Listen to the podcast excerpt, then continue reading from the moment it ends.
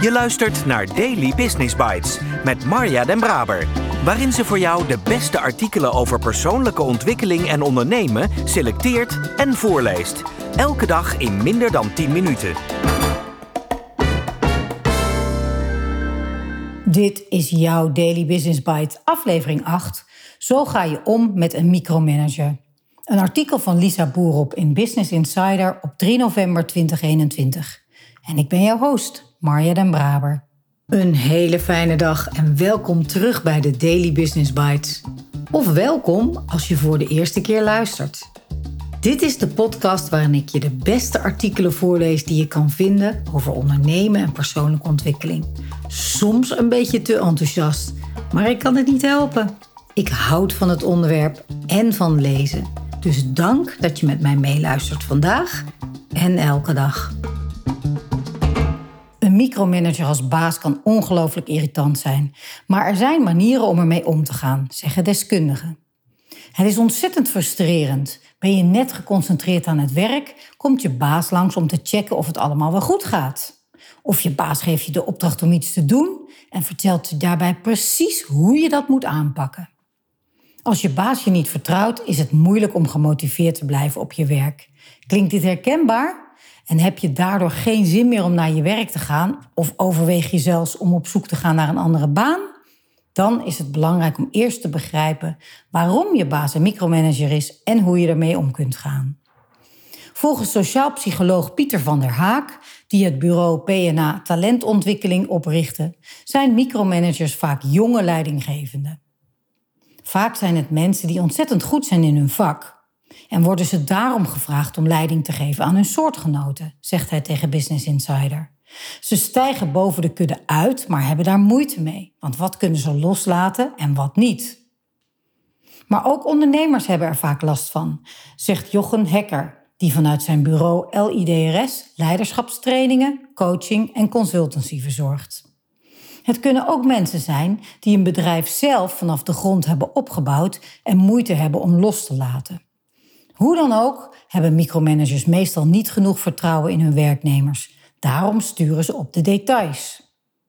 Ze doen dat bijvoorbeeld door veel vragen te stellen. Van der Haak, door te vragen wanneer een klus af is of door te checken of je die ene klant al hebt gesproken. Die manager kijkt uit angst of wantrouwen continu over je schouder mee. Voor jou als werknemer kan dat gebrek aan vertrouwen ongelooflijk irritant zijn. Het kan zelfs een averechts effect hebben op je productiviteit. Als iemand de hele tijd checkt of je iets wel goed doet en het soms zelfs van je overneemt, denk je misschien: het is niet meer mijn verantwoordelijkheid. Je laat dan meer werk over aan je manager, omdat hij je toch altijd checkt of van je overneemt, zegt Van der Haak. Maar volgens Hacker kan het er ook voor zorgen dat je je gepasseerd voelt. Soms, is het voor dat hoge Soms komt het voor dat hoge managers op de werkvloer gaan checken of alles wel goed gebeurt. Maar de mensen die daartussenin zitten, voelen zich dan aan de kant geschoven, zegt hij. Het doet afbreuk aan hun eigen geloofwaardigheid. Vat het niet persoonlijk op. Gelukkig kun je prima samenwerken met een micromanager als je maar weet hoe. Het helpt volgens Van der Haak al om het gedrag van je manager niet persoonlijk op te vatten. Het is niet zo dat je niet goed bent in je werk. Het gedrag heeft te maken met de onzekerheid van de ander. Sommige mensen worden onzeker van een micromanager, maar dat is dus niet nodig. Toch is het volgens Hacker verstandig om met je baas het gesprek aan te gaan over zijn of haar gedrag. Probeer erachter te komen waar zijn of haar zorg vandaan komt. Hoe komt het dat je manager zo aan het sturen is en hoe kan jij die zorgen wegnemen? Geef aan dat jij als werknemer maar één doel hebt je leidinggevende ontzorgen en als team het beste resultaat bereiken, maar dat je daar wel vertrouwen voor nodig hebt. Je kunt het gesprek ook wat directer aanpakken door simpelweg te zeggen wat je dwars zit. Geef dan aan wat het micromanager met jou doet. Wat zie je gebeuren en welk effect heeft het gedrag van je manager op jou? Als je dat gezegd hebt, houd dan gewoon een paar seconden je mond.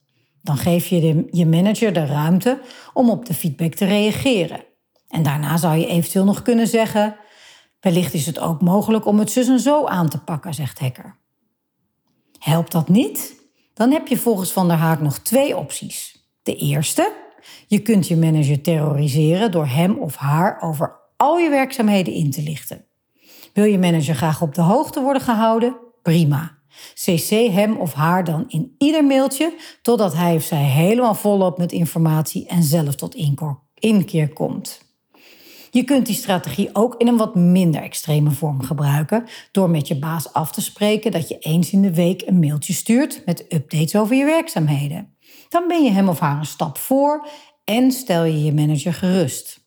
Het vertrouwen groeit daardoor ook, waardoor je manager op termijn misschien wat minder zal micromanagen, zegt Van der Haak. Heb je alles al geprobeerd en ben je echt een einde raad, dan kun je ook een andere baan zoeken.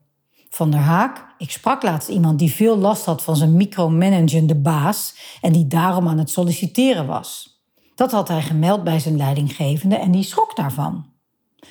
Daardoor ontstond er een dialoog en begreep die leidinggevende uiteindelijk wel dat hij last had van al zijn bemoeienissen. Ben je zelf een micromanager? Is dit artikel wel erg herkenbaar en denk je dat je zelf een micromanagende leidinggevende bent? Van der Haak heeft een paar tips.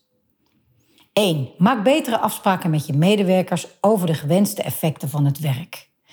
Vaak, sturen managers op taken in plaats van wat het werk moet opleveren voor de klant. Ga dus een goed gesprek aan over wat je verwacht dat de opbrengst is van het werk, want soms is dat onduidelijk. 2. Ga het experiment met jezelf aan.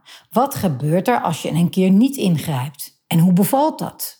Je kunt ook gewoon een paar maanden op vakantie gaan. De kans is groot dat het bedrijf gewoon blijft functioneren zonder jou. 3. Wil je het niet in je eentje aanpakken, dan kun je altijd nog naar een coach gaan die je helpt met het vertrouwen van je werknemers en met het loslaten van dingen die niet jouw taak zijn. Daily Business Bites met Marja Den Braber. Je luisterde naar Zo ga je om met een micromanager van Lisa Boerop. Iedereen heeft recht op in ieder geval één hele goede baas in zijn carrière. Dat vind ik. Bij mij was dat gelukkig de eerste. Na mijn studie bedrijfskunde ben ik bij PTT Post gaan werken en al snel in het diepe gegooid. Eerst als bedrijfsleider in het expeditieknooppunt Amsterdam en daarna als 24-jarige als directeur van het hoofdpostkantoor Amsterdam Nieuw-West. 12 postkantoren en 300 postbestellers. Alle ingrediënten aanwezig om als jonge, onervaren leidinggevende te gaan micromanagen. Maar dat zit blijkbaar niet in mij. Misschien wel omdat ik er zelf ook zo'n hekel aan heb als mensen mij op de vingers kijken en te weinig ruimte geven. Maar ook mijn eigen manager destijds stuurde mij op een geweldige manier aan. Voldoende ruimte geven, zeker wel fouten laten maken en zorgen voor ruggensteun toen het echt nodig was. Ervaringen die ik later in mijn carrière had met micromanagen, was vooral het effect dat als het spannend wordt in de markt of in een bedrijf, de top zich steeds meer gaat bemoeien met de mensen die uiteindelijk het werk doen. Een logisch effect misschien, maar wel rete irritant. Hoe spannender het wordt, hoe meer ruimtemanagement eigenlijk moet laten en hoe meer ze mogen of misschien wel moeten dienen. In grote projecten waar ik als teamcoach bij betrokken ben, merk ik hetzelfde effect. Hoe spannender het wordt, hoe meer mensen van boven zich ermee gaan bemoeien. Dat kost een projectteam soms heel veel tijd, die ze dan dus niet aan het project zelf kunnen besteden. In een gesprek met een projectmanager met wie ik al heel lang mag werken, kwamen we op het boek van Hans Ruiter, Dienend opdrachtgeverschap. Hoe kun je vanuit vertrouwen meer ruimte krijgen? Dat is eigenlijk ook het belangrijkste dat ik uit het artikel van Lisa haal. Hoe creëer ik meer vertrouwen, zodat mijn leidinggevende mij ruimte geeft? En hoe zorg ik ervoor dat ik als leidinggevende vertrouwen geef, waardoor ruimte ontstaat? Het werkt beide kanten op. Succes vanuit welke kant jij dan ook maar aan vertrouwen kan werken. En ik spreek je morgen.